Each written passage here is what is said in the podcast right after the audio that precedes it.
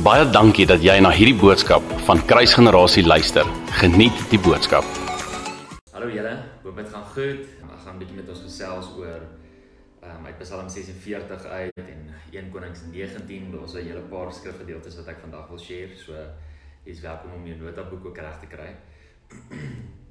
maar ek hoop in hierdie tyd dat jy 'n bietjie tyd maak vir Vader en tyd maak vir Jesus. Dat jy honger is vir hom en dat jy tyd spandeer in sy uh, in sy teenwoordigheid. So as jy na die tyd hierdie video kyk, spring net ons so 2 minute toe dan ons omtrent uh gereg is om te bedien en die woord te share. Kyk net nog vir 'n paar mense om te spring.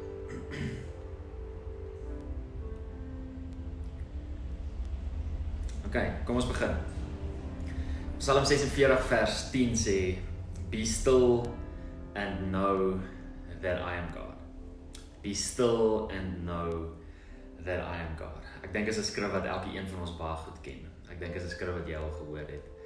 Baie keer dink ek dat ons as gelowiges hierdie skrif hoor en dat daar 'n klein bietjie verwarring inkom. Ek dink die oomblik wanneer ons hierdie skrif hoor, dan dan sit ons met hierdie mindset um en met hierdie gedagtegang dat God die een is wat stil is.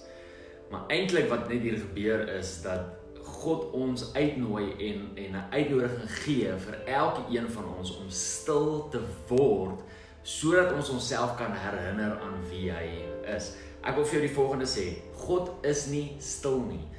Die die feit dat dat jy hom nie hoor nie beteken nie dat hy stil is nie. God wil met jou praat. God is besig om te gesels. Die enigste groot stilte wat daar was was tussen die boek van Maleagi en die boek van Matteus en ons almal weet daai 400 jaar se stilte wat daar was, maar dit is eintlik so profound want vir 400 jaar was die woord van God binne in die womb. Dit het letterlik 400 jaar gevat vir hierdie woord om geboorte gebore te word binne in hierdie wêreld en toe die woord gebore word, Jesus Christus, toe is die stilte vir ewig gebreek. Jy weet met Kersfees sing ons gewoonlik die song, die liedjie Stille Nag. Ek wil vandag vir jou sê dat daar was 'n stille nag sodat ons nooit ooit weer in die geskiedenis 'n stille nag sal wees nie. God praat. En die oomblik wanneer ons luister na Psalm 46 vers 10, dan is dit juis nie omdat God stil is nie, maar sodat ons kan stil word. En en ons hoor baie keer hierdie hierdie gedeelte byvoorbeeld in 1 Konings 19. Um kom ek lees gou vir julle. Die hele gedeelte waar Elia um God met Elia kom gesels. Hy sê go out and stand on the mountain before the Lord and behold the Lord passed by, and a great and strong wind tore into the mountains and broke the rocks in pieces before the Lord. But the Lord was not in the wind. And after the wind, an earthquake, but the Lord was not in the earthquake. And after the earthquake, a fire, but the Lord was not in the fire. And after the fire, a still small voice. Ons hoor baie keer hierdie still small voice en ons dink dat God stil is. En ek wil net vir jou sê dat dit nie die waarheid is nie. Die woord stil hier en die woord stil in Psalm 46 is ook nie eers dieselfde woord nie. Kom ek verduidelik gou vir jou.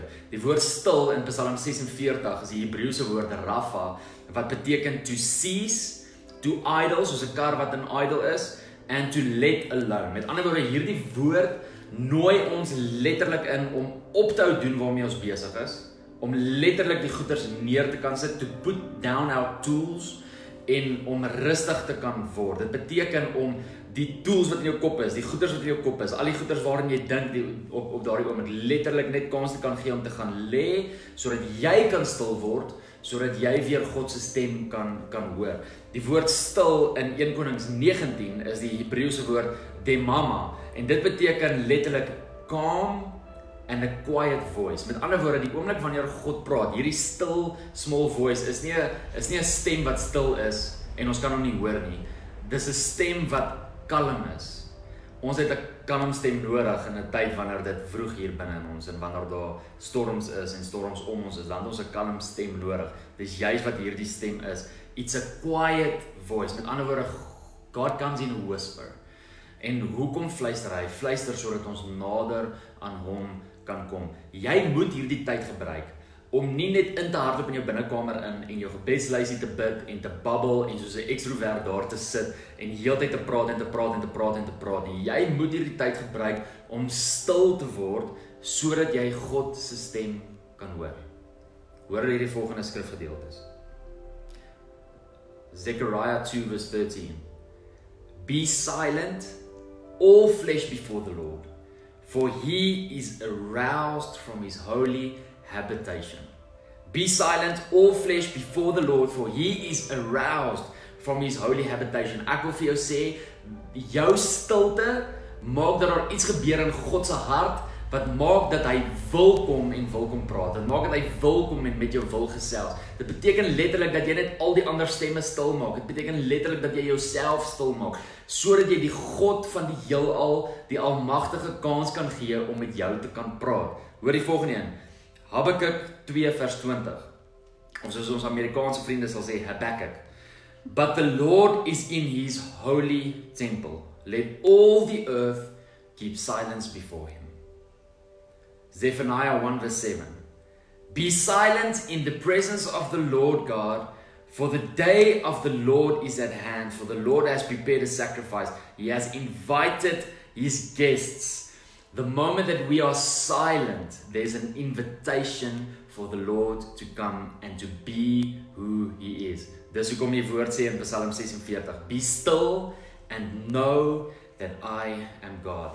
Die oomblik wanneer ons stil is, is die oomblik wanneer God in sy volheid opdaag, is die oomblik wanneer hy met ons kom praat, is die oomblik wanneer hy met ons kom deel, is die oomblik wanneer ons kom besef en hom kom ontmoet en dis wie ons wil ontmoet. Ek wil nie stil word sodat ek 'n vrees kan ontmoet nie. Ek wil nie stil word sodat ek met 'n ou gedagtegang kan ontmoet nie. Ek wil nie stil word sodat ek my eie drome en my eie begeertes en passies kan ontmoet nie. Ek wil stil word sodat ek die koning van die konings kom kan ontmoet.